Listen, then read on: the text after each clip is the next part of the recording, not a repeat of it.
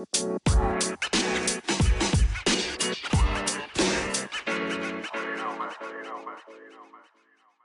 lieve mensen, welkom bij de Back to Blue podcast. De podcast waar we samen terugkeren naar onze blauwdruk, naar de zuiverste en puurste versie van onszelf. De versie die we bedoeld waren om te zijn. Wil je je leven omgooien? Heb je het gevoel dat je een stuk van jezelf kwijt bent? Kom dan met me mee. Terug naar de beste versie van jezelf. We hebben een primeur, lieve luisteraar. Voor de allereerste keer in de geschiedenis van de Back to Blue podcast heb ik een gast naast me zitten. Dat is Reg Jans. Dag Reg. Hey Lenny. Ik ben vrijdag naar een voorstelling van jou komen kijken, Reg. Trouwens, een hele mooie, emotionele avond. Dank u. Waarvoor heel veel bedankt. Het moet voor mij heel speciaal zijn om mij twee uur in een stoel te houden. Dat, je kent mij, hè. dus al ja, en dat is u gelukt. Dus dat was, al ja, ik vond het heel, ik heb het natuurlijk ook direct gezegd. Hè. Ehm, nu, voor we beginnen wil ik even het ijs breken. Want wij kennen elkaar al lang. En ik heb een foto van ons beiden bij. Kijk. Jongen, Het jaar was 1981 19 heel lang geleden. of zo, denk ik. Zou dat kunnen? Dan zou ik acht jaar geweest zijn. Dat zou kunnen. Dat zou kunnen. Ik denk zoiets. Dat is best mama achtergetrokken, hè, die foto. Ja, ja, ja, wat, dat is bij, ja. bij uw ouders. Ja, allee. Ja, Reg is een buurjongen van mij, dus eh, zo zie je maar. We kennen elkaar al heel lang. Maar ik heb vrijdagavond iets, ah, iets anders van u gezien wat ik, waar ik eigenlijk weinig over wist. Ehm, en ik heb je gevraagd om dat je het over te komen vertellen, omdat dat een grote indruk op me gemaakt heeft. En ja, jij kunt dat veel mooier vertellen dan mij. En voor de luisteraar nu lijkt het me best dat je eerst even de scene set. Ehm, het dingetje, het anekdote, de anekdote, als ik het zo mag noemen, anekdote, waar jij, die ik gevraagd heb dat je eens vertelt, eh, plaats het eventjes in de geschiedenis, in uw, in uw voorstellingen. Nu, ik praat heel graag over de gebeurtenissen van tijdens de Tweede Wereldoorlog. En dat is heel uitgebreid, dat, eh, dat onderwerp draagt heel ver. Maar ik ben vooral geïnteresseerd in het Ardennenoffensief. Dus wat er in onze Belgische Ardennen gebeurd is. En mijn interesse heeft me zelfs zover gebracht dat ik de kans heb gehad om met die jongens die daar destijds gevochten hebben, hè, nu al, ah, de meeste zijn er nu niet meer, maar om die plekken te bezoeken. En dan om ook uit eh, de eerste lijn hun verhalen te aanhoren. Eh, en dat zijn, dat zijn soms heel gruwelijke verhalen, dat zijn soms heel grappige verhalen, dat zijn soms vrij emotionele verhalen. Eh, en soms zijn er verhalen waar je denkt van dit hou ik niet voor mogelijk. Dus, eh, maar die verhalen die blijven altijd plakken bij mij. Omdat ze voor mij een heel belangrijke waarde hebben. Omdat met die verhalen probeer ik eigenlijk een geschiedenisles door te geven. Eh, niet met, met data en tijdlijnen, maar met wat de jongens zelf hebben meegemaakt. Omdat het dan ook beter blijft plakken. En dat je er dan eigenlijk bijna tussen staat. En dan Ja. kun je ervaren wat, wat dat die mannen meegemaakt hebben. En ik denk dat dat de beste manier is om te onthouden. Om toch een zo groot mogelijk publiek te bereiken. Met de bedoeling om dat stukje geschiedenis door te geven. Ja. En nu, de anekdote waar, waar ik helemaal door gepakt was, eh, was van die ene die tijdens de aanvallen de kerk binnenging. En dan, en dan, Eh, het is eh, John Primerano. hè. Dat is eigenlijk altijd een goede vriend van mij geweest. Eh, John, John is een van de weinige soldaten die ik gekend heb... die tijdens heel de oorlog maar geen enkel keer één kogel heeft afgevuurd bij zijn geweer. Oké. Ja, nee, dat is een van de weinigen. Nu, hij zat bij de parachutisten, de Amerikaanse parachutisten. En wegens redenen die te maken hadden met, met informatie en inlichtingen... mocht hij niet deelnemen in, in Normandië aan de gevechten. Hij heeft wel dan eh, in Nederland eh, gevochten en, en, in, en in Dardenne. Maar hij zat meer in een, in een, ehm, in een sectie waar dat je geen frontline soldaat was. Dus hij was verantwoordelijk om de, communicatie, de telefoonlijnen te trekken. Hè, dus de jongens van de communicatiesectie. Dus hij zat meestal naar voren die spoelen af te rollen. En dan tussenin zat hij, ja, gewoon als een switchboard, als een verdeelbord, zat hij telefoonverbindingen te maken, eh, zoals men hem vraagt. Nu natuurlijk ook als die lijnen, die kabels beschadigd waren door eh, Duitse beschietingen, ja, dan moest hij natuurlijk het veld in rennen en dan gaan herstellen. Hè. Dat was de minst de minder plezante kant van de job. en had hij geweer wel bij, of niet? Nu, hij had dat, dat was standaard eh, uitrusting hè, voor, voor de jongens. Hè. Maar hij, hij droeg het wel bij zich, maar hij heeft het eigenlijk nooit afgevuurd. Eigenlijk, hè. Nu, uh, maar John, dat is altijd heel, heel emotioneel geweest. Hij is ook heel vaak terug geweest naar de Ardennen. Niet alleen naar de Ardennen, maar, maar ook, naar, uh, ook naar Nederland en zo. Maar rond kerstmis heeft hij daar, terwijl ze daar uh, de communicatielijn aan het herstellen waren, zijn ze beschoten geweest door Duitse artillerie. En zijn beste vriend eigenlijk is, is dodelijk geraakt geweest en is in zijn armen overleden. En dat is voor hem altijd heel emotioneel geweest. En hij zei rond diezelfde periode, zei, het was rond kerstmis. En uh, ik had mijn verdeelbord opgesteld in het uh, seminarie, de kostschool in het centrum van Bastogne, vlak bij de kerk. En hij zei, mijn beste vriend was gesneuveld, stierf in mijn armen. En ik had het op dat moment volledig gehad met de oorlog. Hij zei, ik begon, ik begon te transpireren, ik begon heel hard te zweten, mijn handen begonnen te beven. En ik, ik kon het niet meer houden en ik ben, ik ben eigenlijk weggelopen. Ik ben, ik ben die school uitgelopen, de straat op, waar de beschietingen volop bezig waren. Het was gelijk uh, de hel die losbarstte. Ja. Ik ben de straat overgestoken, zegt ik, zei de grote kerk, de Sint-Pieterskerk van Bastogne. En uh, ik heb die zware deur geopend, ik ben, ik ben naar binnen gestapt en ik heb de deur achter mij toegedaan. En daar was het muisstil, hè, met de dikke muren. En het was alsof ik in een, een luchtledige kokon terecht kwam, van rust.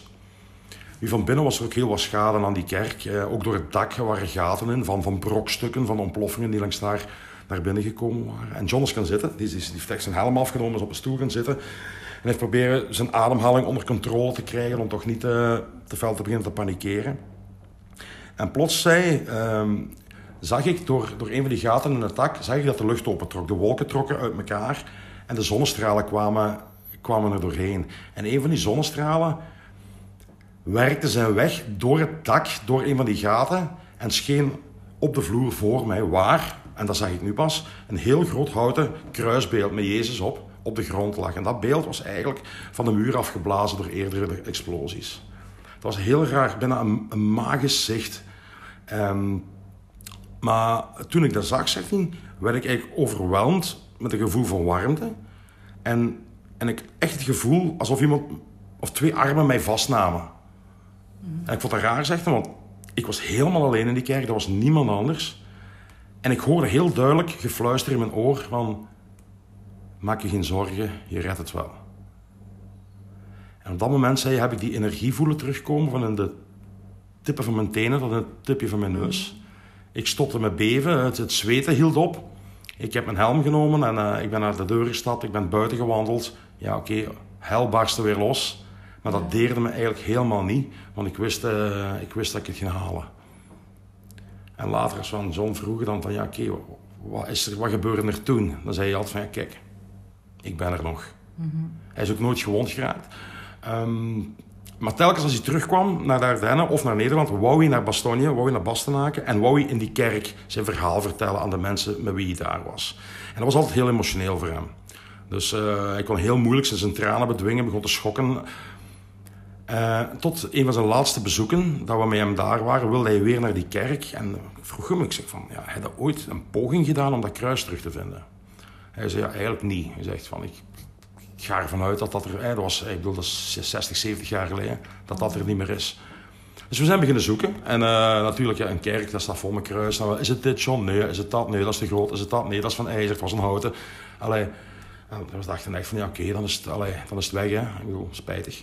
En toen we naar buiten gingen, zag ik eigenlijk uit mijn, in mijn ooghoek, had er een groot pijporgel uh, van achter een sprekersstoel te staan. En daar was nog een klein deurtje, uh, waar ik in de verte zo, zo wat kaarsjes zag branden. Het was daar donker. Um, ik zeg, ik ga daar nog even checken, man. Ik zeg, ik kom, ik kom zo meteen. Ik ga daar rond, het was daar pikdonker. De kaarsjes brandden daar zo'n beetje in de hoek. En ik, ik zoek de lichtknop. En toen ik het licht aanklikte, toen zag ik het gewoon voor mij tegen de muur, keigroot, dat houten kruis hangen. En uh, ik heb hem binnen bij me geroepen. Ik zeg, Sean, is het dat? En hij was, stond perplex. Hij zei, dat was het. Dat was het. Mm. En dat moment was er voor hem precies een soort van, van, van afsluiting.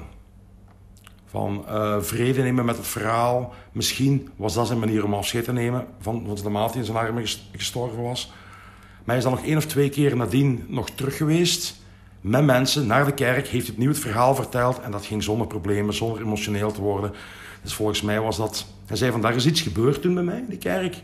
En nu heb ik closure gevonden. Dus uh, afsluiting gevonden. Dus dat heeft, dat heeft hem wel heel heel fel geraakt ergens. Hij zei, ik, was, ben helemaal geen gelovig mens, maar daar is volgens mij iets gebeurd. Heeft hij mij ooit verteld.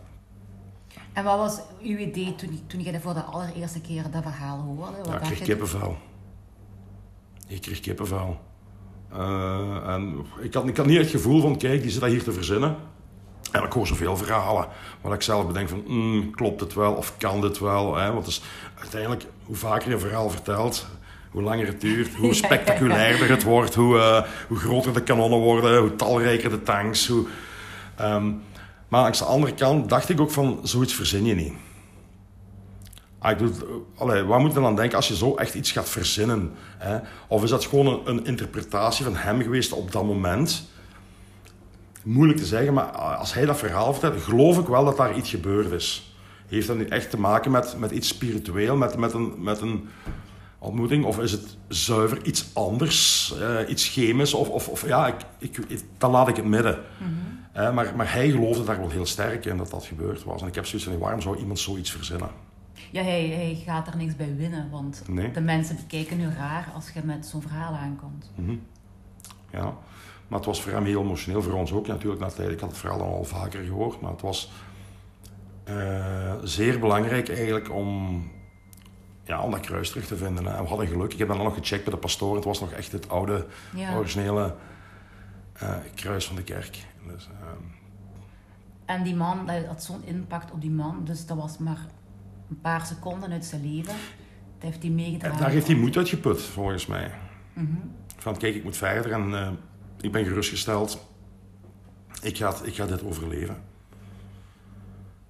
In tegenstelling tot zijn vriend natuurlijk. Dus, maar ik denk dat het een beetje een combinatie is. Hè. Allee, die mannen waren moe. Die hadden al, al, al 48 uur of, of, of niet meer geslapen. Het is, het is verschrikkelijk koud. Je ligt constant onder vuur en op het schieten. Je zit in een stresssituatie. Eh uw beste vriend is dan nog eens in uw armen gestorven. En er komt heel veel op je af. Hè. Hè, En om het allemaal een plaats te kunnen geven en te verwerken, soms we daar een tijd niet voor. Maar misschien was het net op dat moment dat hij daar dat, dat, dat, dat momentje rust had. Dat, dat, ja, ik bedoel, dat, dat zijn, eh, zijn brein terug normaal begon te werken. En dat hij het probeerd heeft andere prikkels waar te nemen. En dat dat misschien voor die ervaring gezorgd heeft.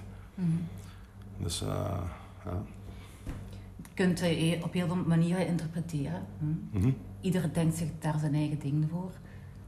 Maar dat was een Amerikaan, hè? ja, uit New Hampshire. Die niet echt gelovig was, want Amerikanen zijn... zijn Ja, het was Amerikaan met wat eh, Italiaanse roots. Dus die hebben dan wel zo wat meer... eh, Ja, eh, een gelovigere kant. Maar voor John geloof ik daar niet, niet, niet echt. Maar John was eigenlijk een hele zachte mens. Eh, op zich. Hij heeft nooit expliciet gezegd dat hij... Hij zal misschien wel ergens gelovig geweest zijn, maar niet... eh, niet, ik bedoel, niet, niet zeer actief, zeer passief. ja. Nu, ik denk dat mensen dat verhaal niet echt niet gaan vertellen als ze niet het gevoel hebben van dat het echt is. Al ja. Het is een, hij vertelt over die ervaring die hij gegeven heeft. Hè. Eh, dus die ervaring is echt geweest. Dat gevoel is echt geweest. Wat dat gevoel veroorzaakt heeft, kan van alles zijn. Ehm, nu, ikzelf, ik ben ooit in het kanaal hier gereden. Dat heb je waarschijnlijk ooit wel eens gehoord. Nee, nooit gehoord. Eh, dat was nog voor ik ons Marie samen had. Ik was net 33 geworden.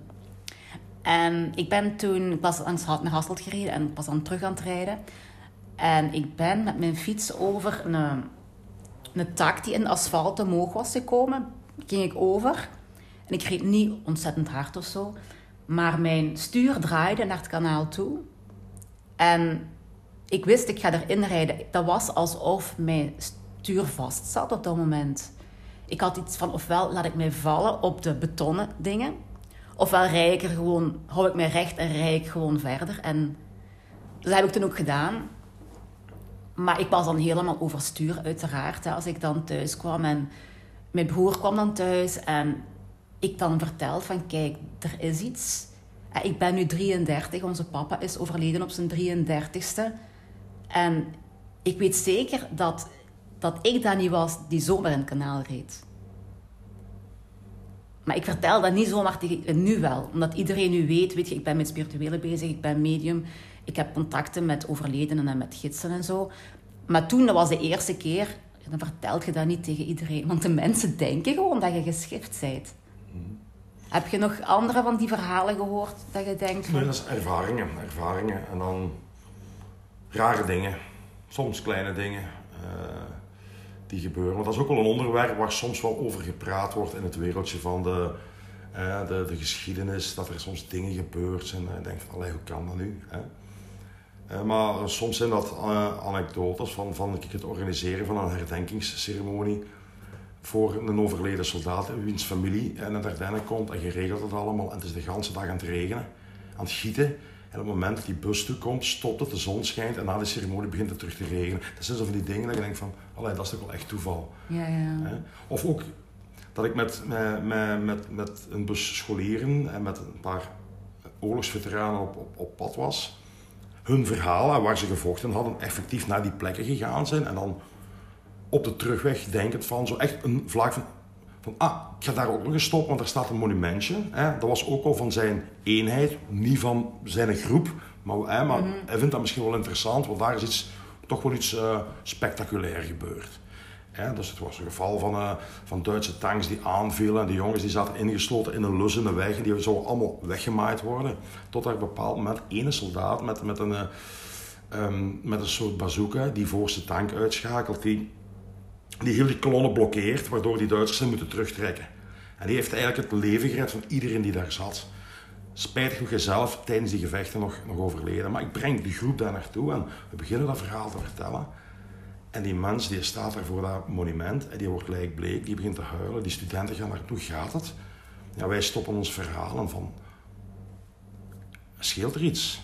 En dan zegt hij gewoon, ja, nu weet ik eigenlijk, eindelijk wie dat mijn leven gered heeft, want ik zat daar in de hoek bij, mij, uh, bij mijn kanon. En dan denk ik ook zoiets van,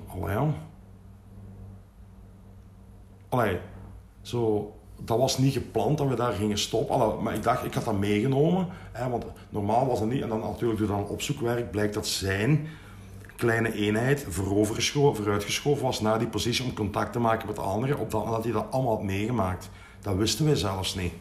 Ja, en ik kreeg dat zoiets. Dan heb ik ook zoiets van, was het nu de bedoeling dat hij daar nog een keer terugkwam? Hè? Allee, ik vond dat, dat zo... Dat zo ik, ik zeg niet dat dat is, hè, maar dat, dat doet hij daar wel over nadenken. Dat is raar. Ik geloof wel dat jij er naar begeleid wordt. Dat uw gidsen u, uw aandacht zetten op iets. Zo, zo, zijn, zo zijn er nog een paar, een paar dingen geweest. En, uh, maar moet ik nu even gaan graven. Zo.